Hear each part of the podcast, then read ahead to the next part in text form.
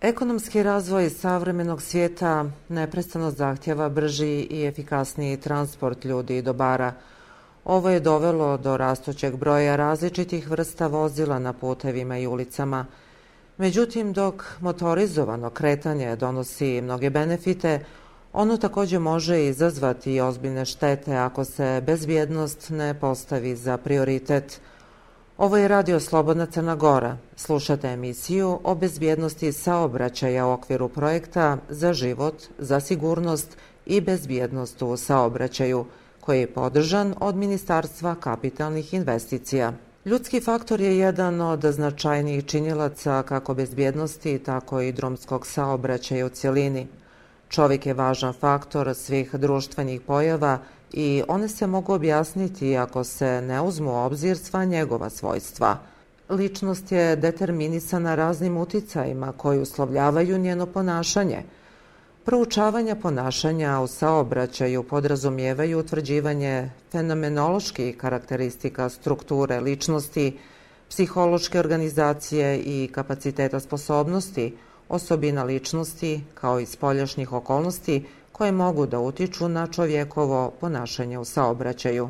Čovjek je najkompleksniji faktor bezbjednosti saobraćaja. On pasivno ne podliježe uticaju okoline, nego je njegovo reagovanje na okolinu uslovljeno strukturom ličnosti koje se odlikuje individualnim svojstvima, psihičkim, moralnim, kulturnim, socijalnim i drugim osobinama. Objasniti ponašanje ljudi u saobraćaju, mjere uticaja na to ponašanje i otpornost čovjeka prema ovim mjerama je složen proces. Čovjek je složeno integrisan mozaik nasljeđa urođenih osobina, antropološke strukture, fizičkih karakteristika, umnih potencijala, ali i ploda društvenih uslova u kojima se formirao. Zbog ove složenosti unutrašnje fizičke i psihičke faktore kod čovjeka je teško kvantifikovati. Isto tako je teško odrediti da li se karakteristike i ponašanje čovjeka ispoljavaju identično u saobraćaju kao i u drugim oblastima društvenog života. Doduše, da bi se našao odgovor na ovo pitanje, potrebno je obuhvatiti ličnost čovjeka i utvrditi uticaj na ponašanje u saobraćaju, a posebno uticaj strukture ličnosti, dinamike ličnosti, starosti i pola, socijalno-demografskih osobina, umora, nedovoljnog znanja, ishrane, bolesti i ostalih stanja i svojstava, alkohol, pušenje, iskustva ljekova. Zajedno sa racionalnom organizacijom sistema putne mreže i konstrukcijom savremenih vozila u tehničkom pogledu vozač, njegova psihofizička situacija, obuka u saobraćaju kao i opšta i saobraćajno-tehnička kultura predstavljaju najznačajniji činioci bezbjednosti saobraćaja – Nisu tako rijetka mišljenja da je nepravilno vaspitanje korisnika puteva odgovorno za većinu, ako ne i za sve saobraćene nezgode na putevima. Bez obzira na kvalitet puta, vozila i uticaja drugih objektivnih faktora, bezbjedno odvijanje saobraćaja u najvećoj mjeri zavisi od čovjeka, njegovih unutrašnjih resursa i individualne reakcije na situacije u saobraćaju – Na ponašanje utiču unutrašnji spolni faktori. Ponašanje u saobraćaju zavisi od konkretne situacije i procjene te situacije. Procjene situacije i reagovanje na tu situaciju zavise od strukture ličnosti i u određenoj mjeri od prethodnog iskustva. Prema istraživanjima kod nas i u svijetu, alkoholisanost je jedan od glavnih uzročnika saobraćenih nezgoda – U velikim gradovima alkoholisanost učesnika u saobraćaju je u još većem procentu uzročnik saobraćenih nezgoda. Najteže nezgode po broju žrtava i po pričinjenoj materijalnoj šteti prozrokuju alkoholisani vozači. Smrtnost u tim nezgodama je i do sedam puta veća nego u drugim slučajevima. Uticaj na čovjeka zavisi od količine alkohola u organizmu, već kod malih količina slabije sposobnost vožnje.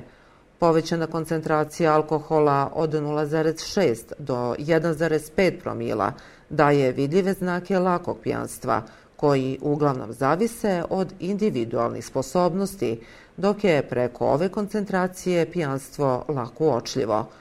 Koncentracija preko 3,5 promila dovodi do besvjesnog stanja, a koncentracija od 5 do 8 promila do smrti. Alkohol se vrlo brzo rasvara u organizmu i brzo dolazi u krv preko koje se prenosi u druge dijelove tijela i utiče na promjenu funkcija bitnih za vožnju. Dobro voziti ne znači samo poznavati propise i imati brze reflekse, nego i znati se obhoditi u saobraćaju.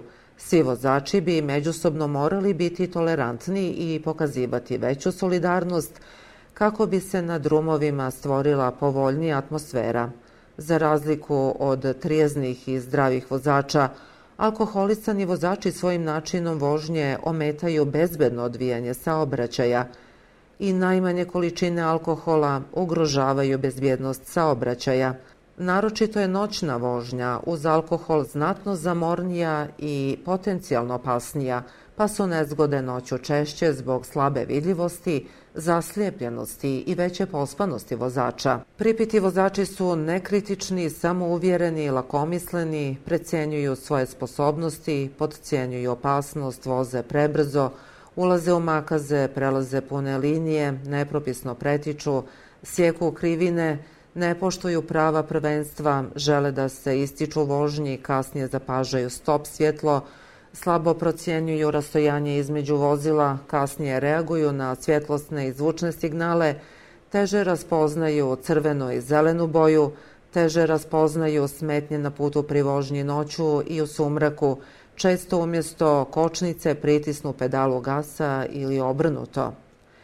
Čojstvo i unaštvo su kada poštuješ saobraćene propise za život, za sigurnost i bezbjednost u saobraćaju.